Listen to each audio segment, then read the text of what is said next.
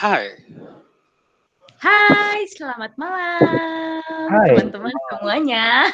Saya Richard dari BMKG ingin melaporkan keadaan cuaca hari ini. Kan? Ngomong-ngomong, ngomong- ngomong-ngomong gempa katanya. Iya di Twitter tuh Selamat- boleh. Selamat puasa teman-teman semuanya. Semoga puasanya tahun ini lancar. Sudah berbuka Kela, sudah berbuka puasa. puasa. Ya kan enggak ya kan besok itu selalu salah ya maksudnya ini kan lagi Ramadan vibes. Ini Iya. adalah hari Ramadan ini ini Ramadan keberapa? Keempat. Ketujuh, ketujuh kok keempat. Jujur sih gue nggak merhatiin sih. Allah. Lupa. Empat puluh kapan lebarannya?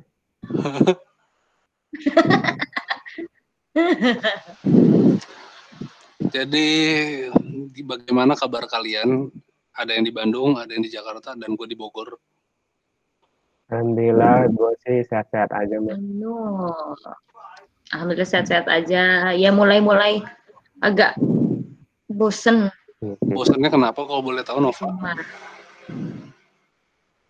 Pengen main gitu, ketemu teman-teman, Hmm. Bosannya sederhana sekali. pengen olahraga di luar. Bosannya Bosannya sederhana sekali. Ini kan udah dua bulan. Ya kan ini kayak udah dua bulan berjalan gitu loh kita. Hmm. eh WFH terus di rumah aja. Ya kan jadi kayak mulai tapi nggak bosan-bosan banget juga sih, cuman yang kayak adalah pengen-pengen keluar. Kalau gue sih sekarang udah sampai di posisi kayak ya udah kayak berdamai dengan keadaan aja sih. Apalagi sekarang iso- soal mudik-mudik gitu ya. Kayaknya narasi soal narasi Iya, iya. soal mudik itu kayaknya udah ya udahlah bodo amat lah gimana lagi semua orang juga ngalamin kan gitu sih maksud gue. Tapi bicara soal mudik gitu ya. Hmm. Lu lu nih perantau nih. Yes. Gitu. Tahun lalu keadaannya dengan tahun ini kontras gitu. Hmm. Tahun lalu Yorisnya banyak tampil di TV. Sekarang objekannya sepi gitu. tahun ini sepi ya. Nggak, nggak. Kalau tahun lalu ya mungkin masih bisa pulang, Hmm. orang tua juga masih bisa ngelihat progres anaknya. Oh anak gua masuk TV, let's say Hmm. seperti itu gitu kan. Hmm. Hmm. Di tahun kayak gini hati kecil lu kayak apa sih sebetulnya? Kalau gue sih ya itu mas awal awalnya sebelum ada larangan buat mudik tuh sempat tuh pengen banget bisa balik gitu kan. Tapi kayak ya kembali lagi kan gue juga di rumah juga di rumah juga orang tua kan usianya juga rentan kena corona gitu gitulah. Dan akhirnya ya udah gue mikir kayak ya udahlah ngapain lagi semua orang juga ngalamin hal ini kan. Dan akhirnya seminggu ke belakang gue akhirnya ya mencoba berdamai aja sih. Akhirnya kayak ya udahlah semua orang juga banyak yang nggak mudik. Beberapa orang akhirnya memilih tidak mudik. Ya akhirnya Teman-teman ya. kantor kita juga banyak ya yang nggak mudik. iya banyak gitu loh. Dan bukan gua doang kan. Kalau gua mikir gua doang yang ngerasa sengsara sengsara mah pasti sedih lah. Gitu sih. Tapi yang ada satu lagi sih. Ketika orang gua sering video call sama keluarga gua yang paling dikomentari ya itu soal rambut gua yang udah kayak gini. Kayak kok. berewokan gua yang udah kayak gini Iya sampai iya iya benar-benar. sampai sampai adik ibu gue tuh mikir kayak gini Yoris kenapa? Ada masalah apa? Ada PHK putus cinta? Sampai kayak gitu. Sampai segitu ya dikira PHK. iya emang gue dikira gembel apa ya? Rambut kayak gini. Gitu sih paling mas kalau aku ya. Kalau Nova nih, Nova ini kan enak nih. Udah sempet pulang ke Bandung dulu. Iya, Lu udah gimana, sempat Nova? udah sempat ketiban cat palanya kan? Cat cat wawa nggak sih tau nggak sih cat wawa? ya Yang tahu tahu yang yang gitu-gitu. itu kan Heeh, tahu tahu Iya, jadi waktu itu kebetulan banget kan awalnya nggak berani pulang karena takut Hmm. carrier gitu kan. Terus cuman eh, kan selama eh, tiga minggu terakhir, tiga minggu pertama WFH itu kan bener-bener di rumah tuh, di kos nggak pernah ke mana-mana dan kan kalau misalkan kita eh, kita kita bawa virus dan kita isolasi mandiri selama dua minggu dan gak ada gejala apa-apa, insya Allah si virusnya kan udah inilah ya, maksudnya ibaratnya kita udah udah bisa melawan si virus itu si daya tahan tubuhnya tuh kuat ya. Pokoknya selama tiga minggu itu aku bener-bener di rumah dan eh, udah pengen pulang sih sebenarnya karena takut keburu nggak bisa pulang. Waktu itu tuh Jakarta beberapa hari sebelum PSBB berlaku Eh, alhamdulillahnya orang rumah waktu itu ada yang bisa jemput waktu itu Hmm. Karena aku agak takut juga waktu itu kalau misalkan pakai kendaraan umum, travel atau kereta waktu itu masih bisa, cuman Oke. waktu itu hubungin orang rumah eh ya udah, maksudnya mereka ada yang mau jemput, bapak tuh, bapak mau jemput, ya udah akhirnya buru-buru lah pulang ke Bandung. Setelah sampai Hmm. Bandung langsung ini juga isolasi Diri. mandiri selama dua minggu. ah Tapi Itu ya sih, maksudnya bisa pulang. Tapi sedih juga beneran lihat teman-teman yang ada yang nggak bisa pulang kayak gitu. Tapi gini gak? Gue penasaran gitu ya. Kayak Nova bisa pulang nih, gitu. Yoris nggak. Yang bisa pulang, pertanyaan gue adalah orang-orang di rumah lu tuh pada parno gak sih sama lu gitu? Maksudnya apakah Oh, udah iya. mempersiapkan mempersiapkan protokol khusus gitu kepulangan Nova? Wah Nova mau pulang nih, ada protokol Di khusus. arah keluarga gitu kan dia takut Oh, ini. Enggak. Eh, Langsung ditutupin eh, karung lapor, gitu kan? lapor. Iya. Pokoknya lapor, lapor ke Pak RW. Terus udah gitu, Pak RW Aku lapor ke Pak RT, enggak, ih. muter-muter mereka. Terus begitu sampai rumah, aku nggak langsung masuk ke dalam apa ruangan apa ruang keluarga itu di, di- jadi masih kayak di depan-depan gitu. Disemprot desinfektan Baju. Baju aku nggak punya disinfektan, cuma aku langsung mandi. Jadi Fogging, Jadi aku ada kamar mandi. Jadi sebelum masuk ke dalam rumah tuh aku ada kamar mandi kan. Jadi bajuku tuh udah disimpan di situ. Aku harus mandi dan aku tidurnya di kamar terpisah gitu kayak ada di atas ada tempat kos-kosan. Nah di situ aku tidur Hmm, Kamar pembantu di nggak? kamar kos di atas. Atau di di rak dapur? Enggak ah, enggak muat rak dapur. Ah, Hmm, terus habis itu, Kalau soalnya Pak RW tahu gitu loh kalau kalau aku dari Jakarta gitu. Pak RW datang bawa polisi nggak? enggak jamrut sih. dong. Pak RW datang. siul. Itu surti bukan? Bukan, ya? Bukan. Bukan dong, Surti. Surti mah di tengah sawah. Iya beda. Oh iya benar. Ini setnya di kamar mandi.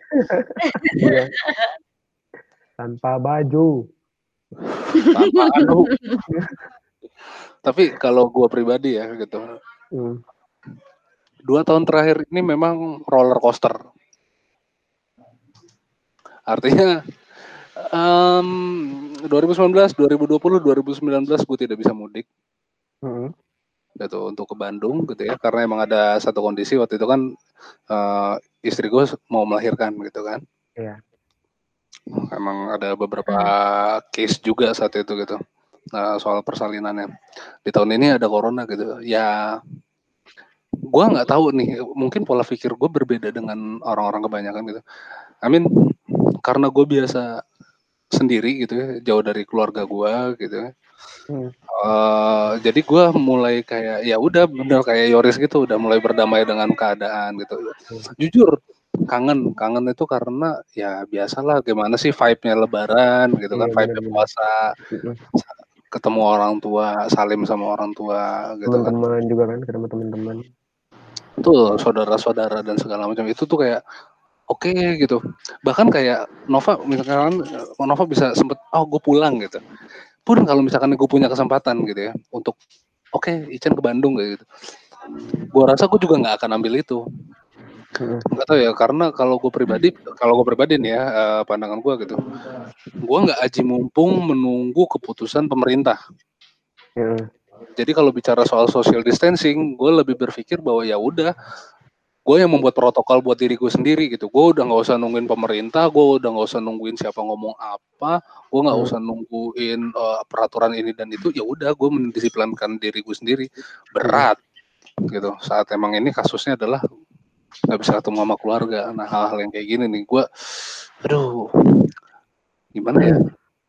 Masalahnya kalian gue gak tahu ya mungkin Yoris ngerasain gitu kalau Nova kan memang udah ketemu gitu sempet gak sih orang tua nelfon sampai nangis Kalau gue sih gini ya mas, gue tuh memang pas wabah ini kan memang sering banget nih nelpon orang tua, memastikan keadaan orang tua. Gue kan apalagi nonton TV dan mengetahui kondisi di Jakarta seperti apa gitu. Dan akhirnya gue Hmm. di situ beranikan diri sih buat ngomong kayak, "Nah, kayaknya nggak bakal balik deh Lebaran ini. Ya orang tua gue yang udah paham informasi itu akhirnya ya udah gimana lagi mau gimana gitu. Nah walaupun ya kondisinya kayak kadang gue tuh sempet tuh keinginan kayak pengen kayak Nova gitu sebelum ada penen- penentuan pelarangan aduh coba deh pengen balik tapi kayak kok takutnya kok kayak, kayak egois banget gitu ya. Memang sih momen lebaran ini kan kayak nggak akan terulang ya walaupun nanti libur kita diganti di Desember gitu-gitu sih. Betul. Cuma kondisinya ketika pun kita lebaran di sana itu vibes-nya nggak akan sama seperti lebaran Betul. lebaran, lebaran lalu gitu nggak sih? Jadi kayak ya udah mau gimana lagi ya gitu. Kayaknya kita harus menunda semua hal bahagia itu untuk ke depannya sih paling sih gitu. Jadi kayaknya udah berdamai aja udah ya, kayak ya udahlah kalau narasi-narasi mudik kayaknya ya udahlah gimana lagi mau gimana kan udah nggak bisa gitu. Tapi kan mudik dan pulang kampung adalah hal yang berbeda, bukan? Iya menurut Wikipedia pemerintah. Betul. Gue sampai, gua sampai hari ini tuh masih mengkaji, pemerintah. gue sampai hari ini tuh sebetulnya masih mengkaji gitu. Perbedaannya di mana ya? Mungkin memang Eh memang tapi katanya memang beda loh. Katanya katanya kalau mudik itu eh, dia dari dari tempat dia merantau, Ya. dia ke pulang ke kampung nanti akan balik lagi gitu ya. Eh, Tapi kalau iya, pulang iya, kampung tuh benar-benar. bener-bener pulang kampung nggak balik-balik lagi gitu kan ya? Ya bisa, kalau pe- bisa. ka- kalau pemudik itu dia hanya di momen lebaran dan dia itu punya pekerjaan di Jakarta. Sedangkan kalau yang pulang kampung itu dia Hmm. itu memilih pulang kampung karena di Jakarta udah nggak ada kerjaan dan dia lebih baik pulang kampung karena ya udah di kampung hidup lebih aman terjamin ketimbang hidup di rantau gitu sih. Ya. Kalau menurut pemerintah ya, padahal ya sama aja sih. resikonya kan sama aja sebetulnya. Iya makanya kan gue mikir kayak Iya, sebenarnya emang, ya. emang emang kalau pulang kampung resikonya cuma 10% terus kalau mudik resikonya 80% kan nggak mungkin. Soalnya kalau gue pribadi gini kemarin eh, udah lama sih sekitar bulan Maret gitu. Pernah ada yang baca soal yang dosen UGM bilang bahwa jika tidak diberlakukan lockdown gitu katanya di akhir April itu akan tembus di angka 10.000 ribu, which Oh, is iya. jadi kenyataan. Hmm, ya. Nah, gue tuh meyakini hal itu gitu karena gue nggak tahu ya kalau gue karena sering banget tuh nonton-nonton film-film yang contagion lah apalah pokoknya yang yang virus virus gitu, gitu. Eh belum nonton deh, aku btw Contagion nonton ah habis ya ini. Allah. yang mainnya juga keren-keren Iyalah. cuman maksud gue gini maksud gue gini eh gue sepakat sih begitu orang-orang bule bilang gitu disaster itu terjadi ya bukan cuman karena emang takdir ya tapi karena memang pem- ya pemerintah atau ya pemegang eh, kepentingan gitu ya mereka tidak mendengarkan orang-orang sains gitu Yes. Mm-mm. Yang which is sebenarnya itu memang bidangnya mereka gitu. Mereka tahu Hmm. persis kayak gitu. Nah gue jadi berpikiran gitu ya karena gue lebih percaya sains saat itu. Hmm. ya udah gitu ah ngapain amat gitu daripada gua entar jadinya kurir gitu kan. Udahlah Kalau lu kalau lu tahu kalau lu tahu itu di Tirto udah pernah tuh Mas ditulis pemberitaan soal kenapa Jerman, Vietnam, Cina Taipei berhasil Hmm. mengalahkan corona. Salah satunya karena eh, kanselir atau presiden mereka itu perempuan. Itu yang pertama ya. Terus kedua itu mereka itu mereka itu menerapkan memang benar-benar yang itu mengikuti kata ahli dan segera mungkin bertindak, tidak berpikir soal ekonomi, investasi dan sebagainya karena ya manusia lebih penting ya ketika kita mencari kepentingan ekonomi. Nanti kalau ekonomi bagus, manusianya pada mati, siapa yang apa ekonomi juga? gitu kan? Jadi kayak emang emang harus ngambil sisi ya semua beresiko sih sebenarnya semua beresiko dan nggak bisa kayak asal-asal milih. Tapi mereka sadar betul kayaknya bahwa nyawa manusia itu tidak tergantikan sih iya makanya itu sih makanya kenapa mereka berhasil sampai saat ini Vietnam juga masih dipuji-puji ya terlepas dari mungkin pemerintah Vietnam ya. menganggap Iya. kalau oh, Berapa sih kalau emang di, Vietnam lupa deh. Kalau di Vietnam mereka mikir kayak oh itu kan Vietnam komunis semua pemberitaan itu dikuasai pemerintah. Ya terlepas dari itu dong kita ngelihat ya cara pemerintahnya seperti apa aja. Nggak usah bawa ke ideologisnya lah susah juga Betul. kalau ke ideologis kan. Gue setuju sih. Hmm. jadi emang untuk hal kayak gini sebenarnya yang perlu yang perlu ada di benak masing-masing orang itu adalah open minded itu Hmm, ya maksudnya gini, saat kita melihat contoh yang bagus gitu ya negara lain memberikan contoh yang bagus ya kenapa nggak tiru gitu loh Iya.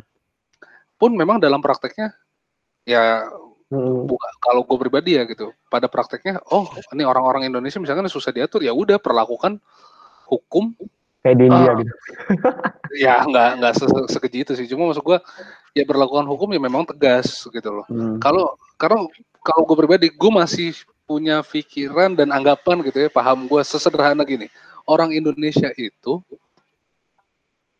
ada dua hal yang mencegah dia untuk melakukan sesuatu. Pertama Hmm. dia takut, kedua dia gengsi. Hajar Iya, dua ini aja, bener. hajar dua ini aja. Ya Walaupun- gengsi, ya Walaupun udah hajar gengsinya lebih gede ya kadang. lebih gede. Cuman Hmm. kalau udah ya kasarnya gini lah, kalau nggak ada polisi ya gue lewatin lampu Eh. merah bodo amat lah kayak gitu kan. Hmm, Lawan arah juga bodo amat ya. Iya. Tapi kalau misalkan dia bawa motor terus ceweknya bilang, "Eh, kamu kok ngelawan arah gengsi kan?" gitu. Ah, iya iya. Tanya, jadi jadi kan ada dua hal kalau menurut gua orang Indonesia memang memang harus ditekan di situ. Gua kadang mikirnya gini. Kalau teman-teman gue bilangnya gini, "Ah, lu eh, ini banget apa bitter banget gitu." Ya bitter, emang bitter realis gitu. Hmm. Gua gue menyampaikan apa adanya, apa pahit pahit gitu ya. Terus Hmm. kenapa gitu? Even kayak mungkin pernah dibahas di podcast sebelumnya, kayak gue pernah ngomong gitu. Sepupu gue nikah gitu. Terus dia bilang, eh dia sepupu gue ini keturunan Chinese gitu ya. Terus dia bilang kan, wah koko nggak bisa datang ke nikahan gue dong. Ya nggak bisa, gue bilang gitu. Sorry tuh saya gue gue nggak bisa risk anak gue, diri gue, Hmm. keluarga gue yang di rumah, gue nggak bisa. Terserah lu mau anggap gue apa. Gitu. Jadi sepahit itu. Iya Even sih. ke nyokap gua gitu. Cuman ya ya udah lah gitu. Kangen, tapi bukan yang nggak cinta, bukan yang nggak rindu, tapi kita punya musuh yang bener-bener nggak kelihatan. Dan kita punya- gitu sih sebenarnya. Iya, belum lagi kan kemarin gue eh lagi kapan ya tadi apa kemarin gitu. Jadi gue baca sebetulnya efeknya si corona ini terhadap fisik bukan cuman ngomongin eh, sesak napas, Iya. tapi ada efek kayak pembekuan pembuluh darah. Hmm. Iya iya ada ada ya sering kesemutan. Aku baca deh baru kemarin banget. Tapi itu kayaknya mutasi yang- deh mas, menurutku. Dia virus ini kan akan terus bermutasi seiring adanya udara, cuaca Iya, itu sih iya. menurutku. Jadi kayak Bener. yang awalnya dia cuma posisinya kayak influenza doang, sekarang tuh udah sampai se- mengerikan itu sih. Apa ibaratnya upgrade lah ya virusnya Iya, nge-upgrade sendiri gitu nggak sih? kan virus Hmm. menyesuaikan dengan lingkungan, kita Iya. juga akan menyesuaikan sebetulnya. Heeh, makanya kan kita akhirnya pemerintah Italia juga bilang kan, ya akhirnya ketika pemerintah dan dinas-dinas kesehatan itu tidak mampu menangani ya akhirnya cuma tubuh manusia sendiri yang bisa bertahan sih. Jadi kayak ya siap survival hukum gitulah ya kayak gitu ya. Hmm. Siapa yang kuat yang dia yang bertahan lah kayak gitu sih paling mah. Tapi gue menarik kemarin ada ya gitu ada paham yang kayak tadi gitu loh eh, yang Yoris ngomong gitu bahwa teman gue update di Instagram Story gitu ya ah ini tuh jangan mudik jangan mudik segala macam eh itu tuh untuk kalian yang masih punya duit gitu kami yang tidak punya duit otomatis harus pulang Hmm. ya gue ya kalau gue jelas gue kontradiktif gitu gue fair aja Hmm. gitu kontradiktif tapi ya ya udah cukup tahu gitu kalau menurut lu pada gimana Hmm. Kalau gue tuh it- itu sih sebenarnya Kamu lihat. udah sempat dibahas sih mas. Gue tuh gue tuh tahu narasi itu tuh sebenarnya kayak eh, itu tuh gue non gue denger tuh podcast di Tempo tuh ngomong kayak ya oke pemerintah melarang pemudik atau istilah pulang kampung lah melarang. Tapi sebenarnya ketika or ketika pemerintah melarang pemudik itu harus ada instrumen yang melengkapinya. Misal kayak diberikan bantuan atau hal-hal yang bisa membuat mereka bertahan. Ya ibarat kayak reward sama hukuman. Ketika Hmm. orang melanggar apa hukumannya? Kan sekarang kan nggak jelas gitu kan kenapa makanya eh, beberapa kali nih kayak mudik dilarang pulang kampung boleh apa segala macam itu kan narasi-narasi yang membingungkan ya. Jadi gimana kita mau taat gitu loh. Jadi kayak nggak ada instrumen yang jelas. Mungkin ketika ada orang yang bertahan untuk tidak mudik kita berikan bantuan berapa kayak gitu kan. Nah itu maksud gua.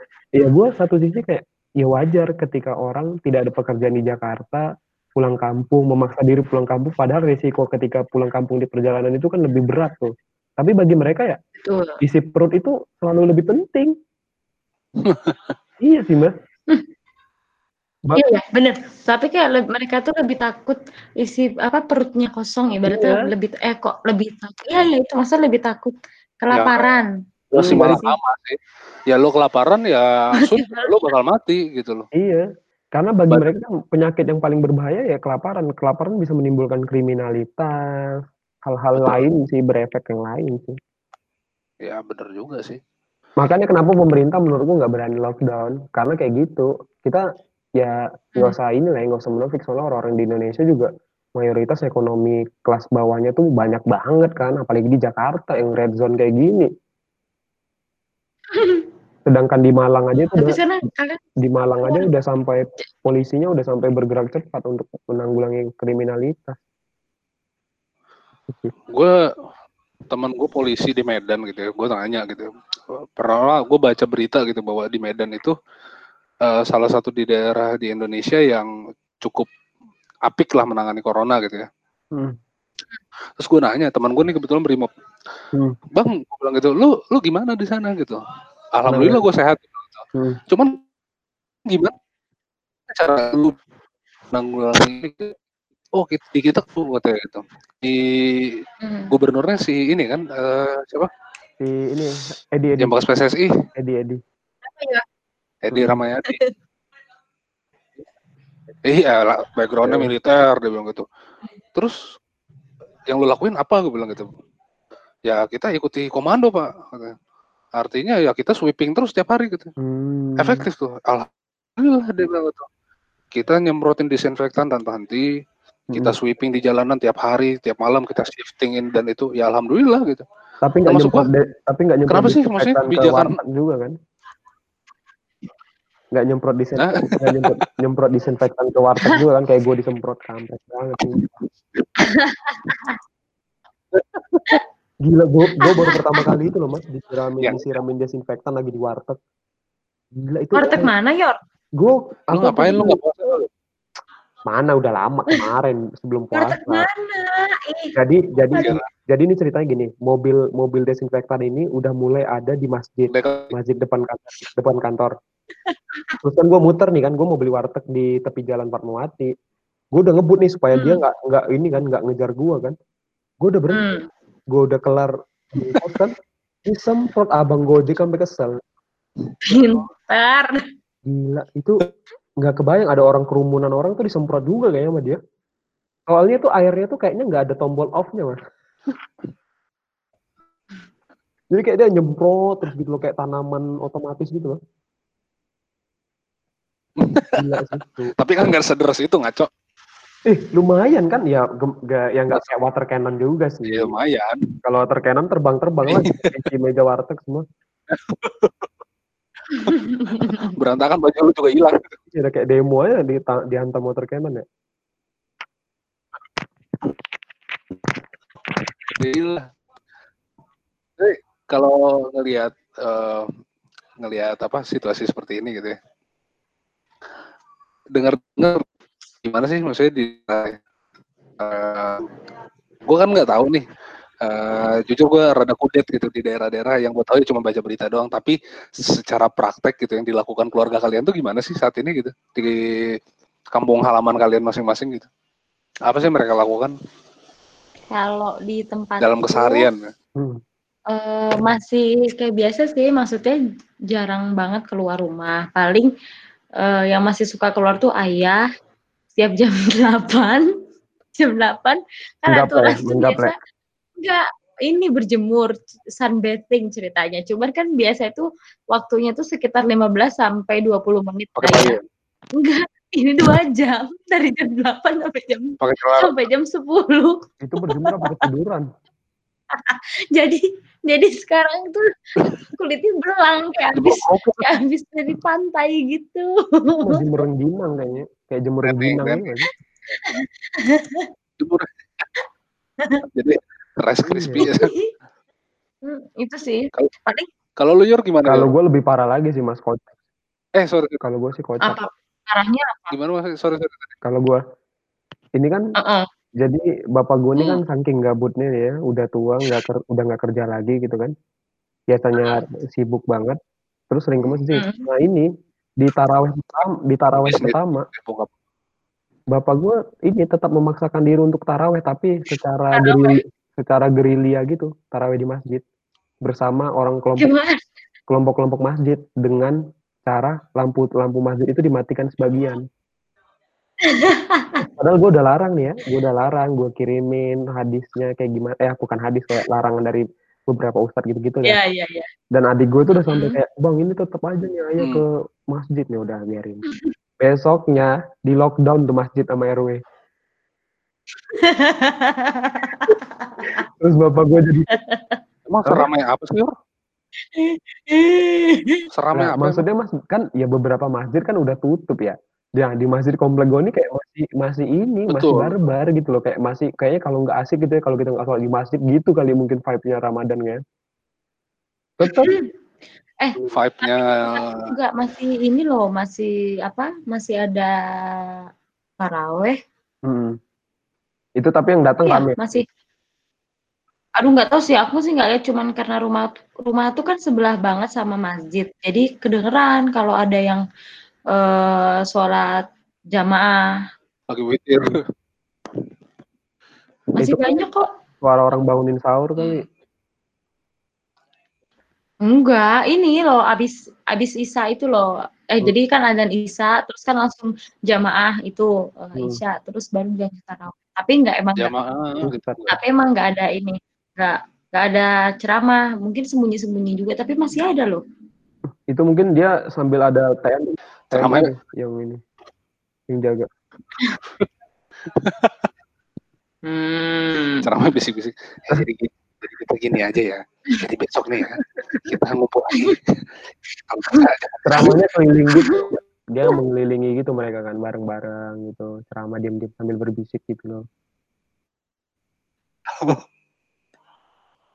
gue gue gue pribadi gitu gue kesel sih ini terlepas dari masalah agamanya apa ya terlepas dari ngomongin kenapa sih gitu anda itu kan semua beresiko kena anda itu Mhm. beresiko menularkan gitu. Jadi gua kalau gue udah bottom line aja udah emang pendidikan jadi problem di Indonesia ini yang bikin orang tuh ya tetap kekeh kayak begini gitu loh. Sampai ya ya nggak tahu ya somehow ya nenek gue pun masih kayak gitu gitu. Gimana ya? Kesel tapi Kayak mau gitu tuh gimana, jadi, jadi kikuk gitu loh Kayak masih melanggar Tapi gitu. emang kayaknya banyak orang tetap tahu deh. Ya kan? Aduh, aduh, aduh. iya Ya, karena emang kadang memang masih macam-macam juga. Ada ada beberapa orang yang kayak ya udah mungkin tahu tapi ya udah. Jadi kayak nggak mengikuti uh, hal-hal yang dianjurkan selama ini sama orang-orang sama pemerintah Eh, atau enggak ada yang memang sama sekali benar-benar nggak tahu gitu. Jadi memang harus dikasih tahu baru ya baru bisa nurut. Emang kadang ya emang macam-macam sih apalagi kalau orang kayak orang tua gitu kan beda-beda ya cara menanggapinya gitu. Setuju nggak teman-teman? Iya, makanya berarti Enggak ya? seperti yang Mas Ican bilang Ya, itu setuju. berarti emang soal Yes. soal pendidikan tuh emang selalu jadi problema sih. Iya, ya memang itu sih masalah-masalahnya. Tapi ya Iya karena Gimana mereka itu lagi? kayak eh ini aja sekarang di Jakarta ini tiap mau buka puasa itu rame banget rame banget dan masih banyak emang orang yang jualan. gimana Ya, di, di jalan-jalan gitu. Iya, karena mereka kan mikir ini vibes-nya Ramadan ya saatnya kita nyari uang gitu kan. Ya udah jadi kayak rame banget gitu loh. Bahkan di depan kantor yang biasanya sepi banget itu kalau udah jam 5 gitu rame banget. Kayak macet kayak hari-hari biasa. hmm, Iya, aku kira Jakarta sepi banget sekarang. Iya, kalau udah jam 5, jam setengah limaan ke belakang itu udah rame banget pasti. Jadi kayak mungkin mereka masih berpikir ya kayak wah kita ini kalau Ramadan ya gini harus jualan. bukan harus bukan harus berdiam diri seperti ini. Kita harus berjual. Saatnya kita mencari uang ini. Nah, Iya. iya sih, soalnya kan mungkin ada juga beberapa yang ya, ya memang itu mata pencahariannya, ya nggak sih? Maksudnya kalau nggak dari situ ya dari Enggak, mana lagi? tapi nggak selalu toh, Noh. Kadang orang yang bukan basicnya jualan jajanan pasar atau jualan es buah yang hari-hari biasanya cuma kayak mungkin laundry gitu kan. Oh, ini saatnya nih di depan di depan toko Laundry. ini kita, Hmm. kita ada dagangan ini nih jajanan nih. Gitu. Kan orang Indonesia tuh jadi aji mumpung ya iya, nah, sebetulnya iya, ya. di mumpung Iya, gitu, iya, Mas. Itulah makanya. Jadi ya nggak nggak kalau karena di- peluang bisnis jago iya kalau giliran keperluan bisnis Indonesia selalu menjadi nomor satu. Kenapa tiba-tiba teman gue nelpon lagi? Ngomongin duit kelar, mau virus pun takut. Bilang-bilang lagi siaran. Terus tadi apa? Tapi kalau memang ya itulah ya maksudnya memang itu tadi beda-beda tujuan tiap orang. Kadang ada yang memang nurut, ada yang Hmm. memang enggak, ada yang ya udah pokoknya menurutku gini ya kayak gini aja gitu ya. Kalau memang macam-macam sih. Betul. Misalkan dari masalah itu aja, terus masalah soal mudik juga ya biarpun kangen, kangen banget sih pasti gitu kan. Ya ada banyak orang yang apalagi waktu awal-awal PSBB itu yang dan mulai jalan ditutup eh, akses tol dari Jakarta terus banyak banget tol eh tol apa sih mobil yang disuruh balik arah gitu loh Nah itu yang yang jadi Ya, Kan? suruh putar arah. yang jadi kontroversinya Ya, itu sekarang. oh, Itu lagi ramai itu dibahas di Twitter. ya betul gitu Ya, maksudnya kasihan sebenarnya kita mikir ya kasihan juga gitu nggak bisa pulang ya itulah rindunya tuh ya rindu pulang rindu rumah gitu tapi ya be- ya benci juga karena benci ada si corona koroni Corona. kampret. corona Gue tuh sampai gue tuh sampai yang kalian tadi sore ada ada yang ikut hir gak? aktivitas hir Ikut sih gue, saya ikut ikut. Tapi gue nggak menang sih. Eh aku menang. Kan ditanya. Ya gue juga menang. Oh iya ya. oh iya benar. Tanya apa? tapi tapi gini tapi gini. Pas saat ditanya gitu yang head head gimana nih gitu kesan kesannya gitu. Itu jawaban gue pahit banget kan denger gak sih? Iya yang ngerti. itu yang, yang menyebalkan ya jujur sangat menyebalkan. Gue benci banget gitu Iya. Tapi gue ngerasa selama gue udah selama W- gue udah frustasi WFH ini memang bikin ini tuh mas, bikin kayak pegel pinggang tuh pegel-pegel gitu loh. sakit banget badan gak enak ya pegel Karena- punggung terus Rotasi Enak kan? iya, ro- rotasi langkah kita itu nggak jauh, nggak kayak biasanya. ya eh kalau gue sih masih naik turun tangga sih masih gendong anak gue juga Iya, kan kadang-kadang masih lah kalau gue jadi ya lumayan gerak ya lu gendong apa kayak LPG kayak apa kayak karena mau mau gendong motor gue lumayan karena berotot. Ya, tapi ini yang lagi seru nih ini mas. Kan ini seiring dengan adanya corona ini nih lagi rame konspirasi kan. Lu, tak- lu ng- ngikutin nggak? Apa tuh? Ngikutin nggak? Kan ini kan awal dari podcast Deddy Kobuzier sama yang Lex iya iya itu loh. Tuh, terus yang jadi- jaring nah. apa sih? Ceritain dong yang jering sama dokter Tirta semalam live itu mereka bahas konspirasi corona. Nah itu rame banget tuh. Itu rame banget asli. Maksud gue tuh kayak bener sih. Apa sih paham ya? intinya tuh kayak konspirasi itu tuh kayak echo chamber gitu loh. Ya kayak echo chamber tuh kayak ruang hampa yang ketika sesuatu itu dikatakan misalnya nih ini botol terus gua gua gua bilang ini sisir tapi semua orang mengikuti gua bilang ini sisir ya udah botol bakal jadi sisir gitu ya ya betul betul itu itu berlaku di politik juga nah iya makanya itu kan saat kayak ya lah jatuhnya ya itu sebenarnya kayak satu arah aja Mm. lu cuma terima echo-nya aja begitu ngomongin eh corona bahaya corona bahaya lah Mas Jan kenapa koneksinya Terus tiba-tiba gini Mas lu kenapa stroke lu ya kenapa kok- tiba-tiba kesemutan nggak bisa bergerak Lu nge-freeze kayak stroke, apa, stroke gitu lu ulangi lagi tadi ngomong apa, Mas? Ketika apa tadi, Mas? Satu arah tadi lu ngomong apa? Ya elah. Koneksi, guys, maaf guys, koneksinya busuk guys. Iya kadang malam-malam jam segini tuh jam-jamnya orang orang make internet apa ya? Soal suka tiba-tiba apa? Itu tuh freezing apa ya? Tapi semua, tapi semua koneksi gitu tau, no? Eh, provider handphone pun juga kayak gitu. Sekarang agak lebih Malam-malam. melambat gitu tau. Katanya sih dibatasin gitu kali ya. Tapi nggak tahu lah apakah itu kebenaran yang terjadi. Ya guys, mohon maaf ya ini eh, moderator kita nge-freeze, mungkin sinyalnya dia kayaknya tinggal di Afrika Selatan kali ya. Jadi agak agak-agak ini freezing. Iya dia agak-agak nge-freeze gitu kayak kayak stroke gitu. Kayak kena stroke. Iya nggak tahu bener, sebutan, nggak bisa bergerak. Itu ramai banget tau yang konspirasi itu. Iya loh, aku belum, aku belum. Masih Chan? Masih Chan? Ya Allah. ya Allah. Ya tapi kamu ada kepikiran potong rambut sendiri nggak? Ih rambutmu udah nggak jelas banget lah bentuknya. Masih Chan, coba lu ulangin lagi tadi lu ngomong apa mas? Nge-freeze Ah, lama udah, lu. udah, udah, Mas. hampir, hampir dua menit lu nge-freeze. Oh ya? Iya. Sekarang udah oke belum? Ya udah oke oke. Udah. Lu tadi ngomongin apa tadi? Dadalah. Kok terjadi lagi? Dan terjadi lagi. Rambutnya ya. Ya udah lama nggak karaokean. Diem ah lu.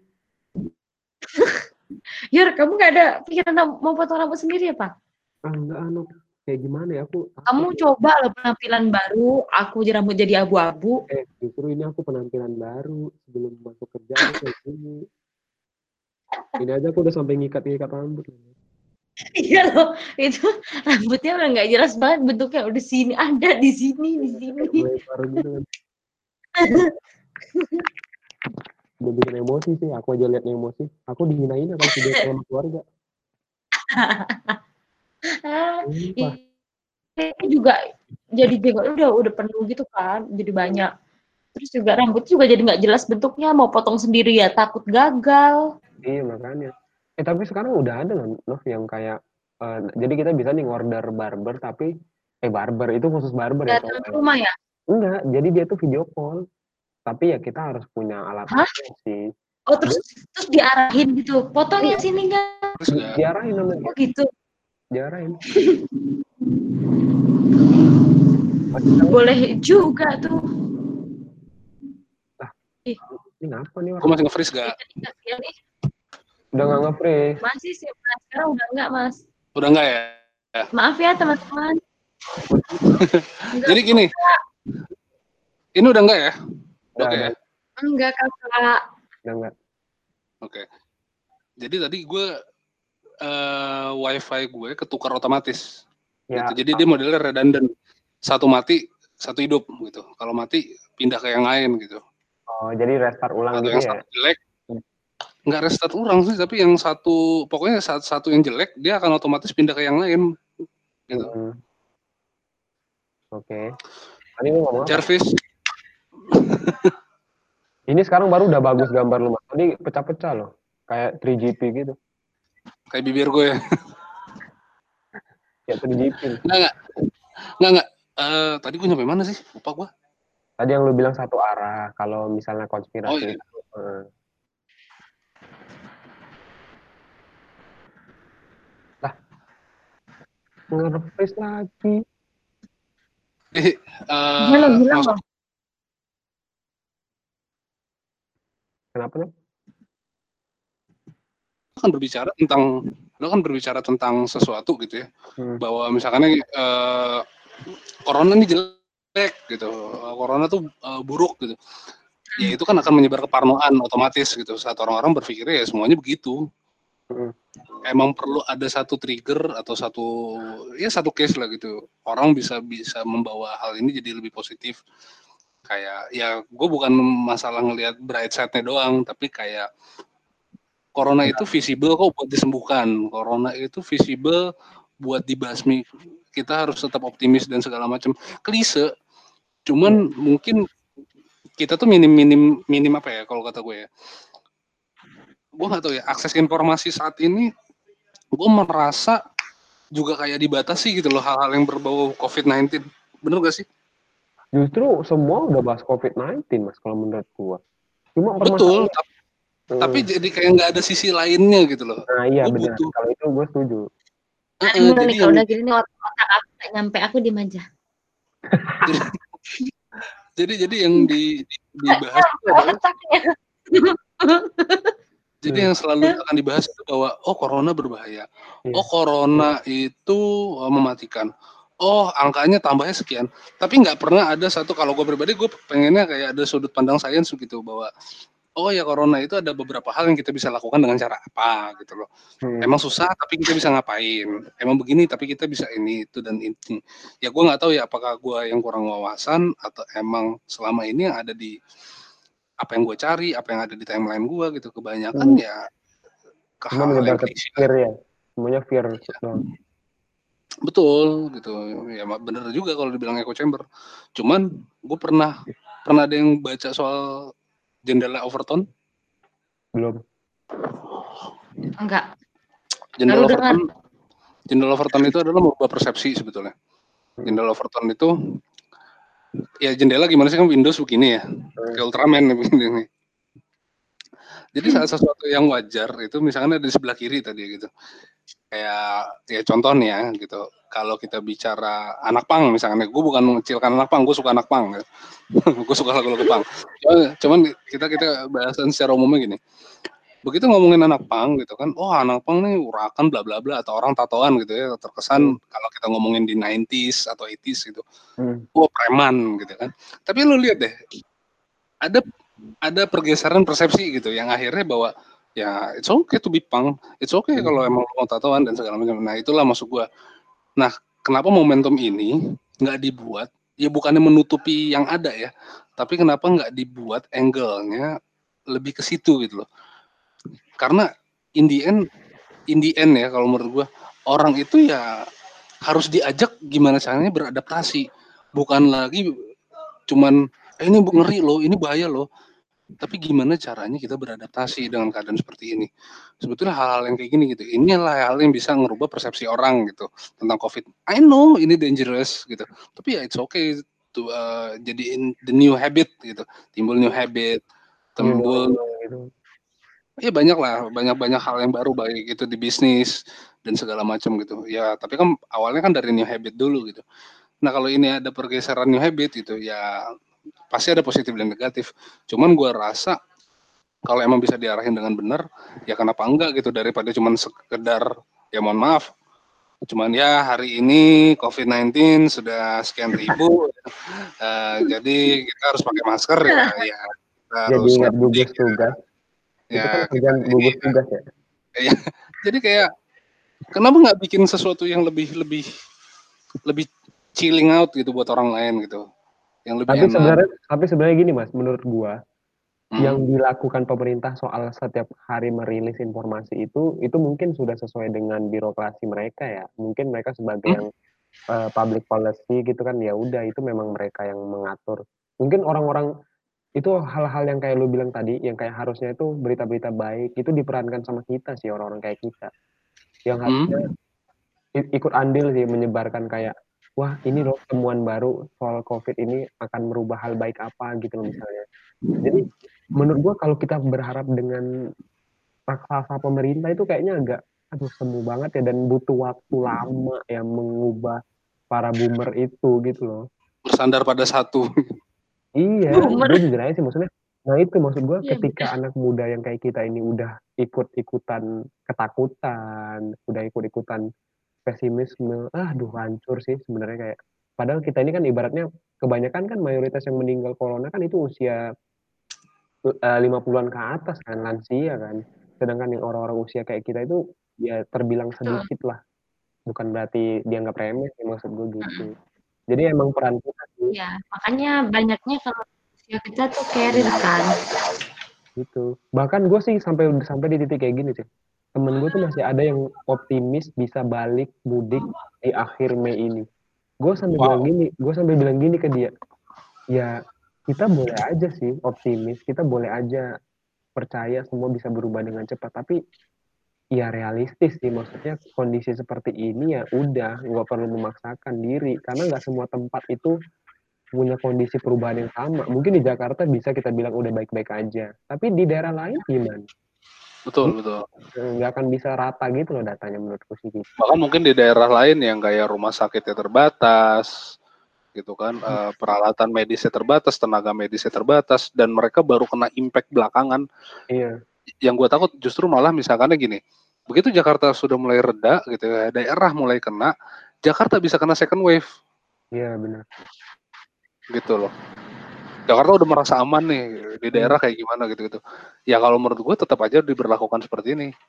Gue sih rada bukan pesimis ya, gue optimis corona ini akan cepat selesai jika emang ya bukan kalau ngomongin vaksin udah ngomongin sains lah gitu. Iya. Tapi kalau bicara dari diri sendiri dulu gitu ya, ya udah emang lo harus disiplin, lu udah bisa ambil sikap harus seperti apa mungkin ya kayak Nova gitu udah ada protokol di rumahnya saat dia baru datang ke Iya. rumah gitu ya hal-hal yang kayak gini sih sebenarnya yang iya yang yang Iya, salut sebenarnya sih, tapi aku cukup salut sih, maksudnya udah aware gitu loh keluarganya udah udah paham banget kan soal protokol kayak gini, walaupun mungkin kita belum tahu kalau belum di rapid test atau belum belum di swab test kan kita juga nggak tahu ya.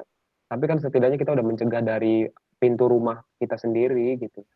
betul nah gue akan sangat sangat membantu jadi kalau ngomongin kayak tadi itu yang kayak lu bilang itu ya daripada kita bersandar pada pada boomers ini gitu ya Iya. ya mulai dari diri sendiri lah kita punya pemikiran maksudnya mungkin kita merasa diri kita lebih fresh gitu ya Iya. dalam dari pikiran karena ya kita sendiri mungkin ber- bisa berpikir bebas kita bisa mengutarakan bebas karena kita nggak ada Iya. keterkaitan dengan Iya. pihak-pihak tertentu kayak gitu kan Mm. ya at least dengan adanya dengan adanya kondisi yang kita emang bisa berpikir bebas dan segala macam ya gue rasa kenapa nggak mulai dari diri sendiri dulu gitu Mm. Iya itu sih. soalnya hal yang klise aja gitu saat lu ngomongin ya harus pakai masker ya jangan keluar rumah itu klise tapi begitu ada ya kalau emang gua kedatangan orang terus ada protokol protokolernya seperti apa gitu kan itu lebih enak gitu jadi hal yang hal yang dibilang basi enggak gitu orang tahu oh harus ada aturan ada protokoler cuman kayak oh iya ya gitu kenapa hal ini nggak kepikiran ya gitu kenapa hal ini nggak gue lakukan dari kemarin ya kayak gitu sih sih. itu kan salah satu bentuk positif kan Terus kalau kamu Nov gimana? Betul. Kayak Apa? selain di rumah atau di lingkungan sekitarmu udah melakukan protokol apa sih kira-kira? Apalagi Jabar kan Kalau cukup bagus lah ya. iya dia cepet ya. banget, iya Hmm. bener. Dan dan di sini tuh cukup bandel loh warga-warganya. Rame ya jalan. PSBB rame udah nggak ada bedanya. rame banget jalan tuh nggak ada nggak ada PSBB PSBB tuh kayak orang-orang tuh nggak ada takut-takutnya jalanan macet kayak gitu-gitu. Cuman kalau di sekitaran eh, tempatku sini udah mulai kayak jalan-jalan kecil itu di portal ditutup. Jadi kayak orang orang mau masuk pun harus izin dulu apakah dia warga atau bukan. Kemudian kayak misalkan eh, Gojek atau Grab kayak gitu-gitu eh, mereka cuma tunggu mau misal mau antar pesanan mereka eh, dari portal doang terus mereka antar ke dalam rumahnya. Terus di setiap sudut ganggang atau misalkan kayak jalan-jalan itu eh, disediain tempat cuci tangan kayak ember kecil gitu tahu nggak yang dibentuk kayak galon terus ada ada sabunnya ada disediain kayak gitu. Hmm, di Jakarta sih udah ada sih udah penerapan seperti ini sih. di Iya, di di sini sih masih baru masih kayak gitu doang. Tapi kayak misalkan kumpul-kumpul gitu masih ada. Ya emang kadang masih ada juga sih yang bandel-bandel gitu Yang yang nggak pakai masker. Ini yang kumpul itu disemprot pakai water cannon sih seru banget tuh. Eh, itu tuh ya kumpul-kumpul sambil karaokean loh. Beneran di Serius? tempat susu murni. Iya, Saya ngerasain disemprot kayak Yoris sih sebetulnya. iya. Karena kan dia kan itu tuh tempat susu murni. Terus mereka tuh suka karaokean gitu loh. Malam-malam, ya ampun ribet banget dan Ntar kalau disemprot air dikira konser lagi. Air, air, air gitu kan. air, kira nonton air, dangdut, Iya, air gitu kan kalau konser. ih, gila banget. kira konser akhir tahun bareng Indosiar kan. Iya emang. Nggak gitu lah. Di, di Bandung tuh menurut menurutku di Jakarta masih masih lumayan lebih nurut. Soalnya waktu belum PSBB pun jalan lumayan sepi kan. Iya, waktu PSBB belum diterapin di Jakarta. Di Tapi sini ya itu Nov kembali lagi pendidikan. Orang-orang di Jakarta Iya. kan banyak pendatang yang bekerja ya. Dan mereka tuh Mm. rata-rata yang bekerja di sini kan udah di posisi-posisi yang ya yang mapan lah ya paling nggak mengerti lah ya maksudnya mengerti aturan kayak gitu informasi dan begitu, lain-lain. gitu maksimal lah Hmm. walaupun yang masih ada yang barbar gitu tetap yang barbar itu tetap Iya. akan ada sih mau di, di di antara semua orang yang taat pasti ada satu orang yang atau dua orang yang Pasti. barbar pasti itu Tapi eh conclusionnya nih, kalau dari kalian gitu, berarti hal positif apa sih kalau misalkan bicara dari diri masing-masing nih gitu ya. Kita udah jelas kita benci sama namanya corona, kita rindu sama namanya ya kumpul bareng sama keluarga gitu kan. Nah, kalau take outnya sendiri kalau dari lu pribadi gitu from today gitu from now on gitu. Lu akan ngelakuin apa sih gitu buat ke depannya which is kita belum tahu akan sampai kapan, tapi apa sih yang akan lu lakukan gitu? Apa ya? Apa Yor? Kamu dulu deh Yor. Kalau aku sih ya karena aku hampir aku tuh hampir tiap hari ya mas ngerjain daily corona ya. Sabtu, Sabtu minggu aku ngerjain daily corona dan aku sumpah kayak gimana udah khatam banget itu isu-isu corona dalam otak aku ya. Jadi kayak ya itu aku sih per, karena aku udah melakukan peran di bidang itu ya itu saatnya aku share ke, ke, ke keluarga aku misalnya kayak hal-hal yang kayak pencegahannya kayak gimana dan nggak hmm. perlu harus takut-takut banget yang penting tetap uh, tetap jaga kesehatan gitu-gitu sih karena kalau yang disebarin cuma kayak, oh gila ini hari ini, eh katanya kok virus corona bisa menyebar lewat AC. Kayak gitu kan ngeri kan? Jadi yeah, yeah, yeah. apalagi keluarga kita yang notabene-nya pendidikannya nggak seperti kita mungkin ya. Mm. Jadi yeah. ya nih, kita matiin AC nih gitu kan. Jadi ya itu, maksudnya dari sisi kita sesuai dengan bidang kita sih menurutku jadi ya ketika kita ada kesempatan buat berbagi hal-hal yang baik informasinya ya iya iya benar-benar sampai mereka apa mencari informasi sendiri dan akhirnya gampang tertipu daya dan termakan hoax.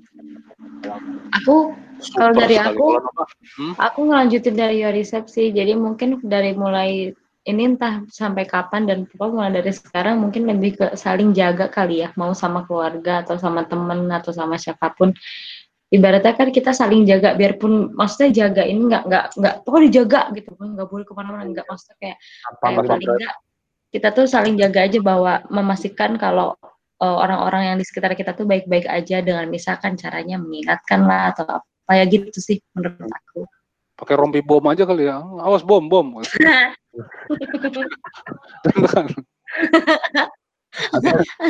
Oh kena cacar gitu kali ya biar orangnya lebih takut sama hal-hal yang yang visible banget buat tertular. Iya iya, iya nah iya bener kayaknya. Kayak mungkin kudis kurap gitu kan.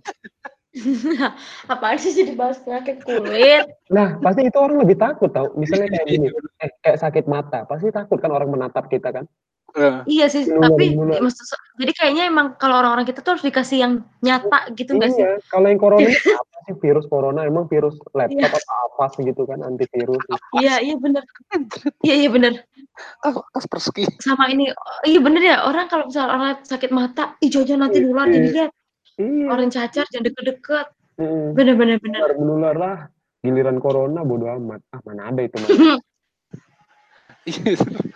Itu itu kan rada rada rada rada sedihnya adalah saat misalnya ya bukan mengecilkan orang yang terkena HIV AIDS gitu ya. Eh. Tapi begitu orang yang kena HIV AIDS ya which is tidak akan tertular atau menularkan kalau lu nggak ada ya pertukaran air liur atau kan? darah segala macam gitu. Orang, orang lebih takut loh, Bro, daripada daripada sama corona, which is corona itu ya lu bersihin aja kena gitu. Iya sih. Mm-hmm jadi kayak ya gimana ya gitu. Padahal kalau dipikir-pikir, saya corona dibandingkan dengan HIV AIDS yang gue tahu karena gue bukan saintis, yang gue tahu itu kan lu baru bisa ngerasain efeknya 10 tahun ke depan. Iya. Yeah. Corona kan mm. ya saat itu juga mungkin lu bisa kena pulang langsung sakit atau berapa minggu setelahnya langsung sakit. Ya itu loh maksud gue orang-orang Indonesia ya ya oke okay lah gitu. Emang Indonesia tuh santuy, chill gitu, chill, santuy. Gitu. santuy, rebahan. Iya, rebahan. Nikmatin senja. Nikmatin senja sambil dengerin musik indie gitu. sambil caption-caption Fiesta Bersari.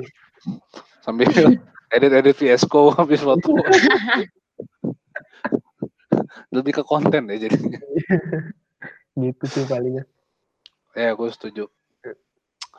Mungkin itu aja kali ya malam ini dari kita ya. Kok kayaknya kita serius banget ya malam ini ya. Kayak iya loh malam ini tumben loh.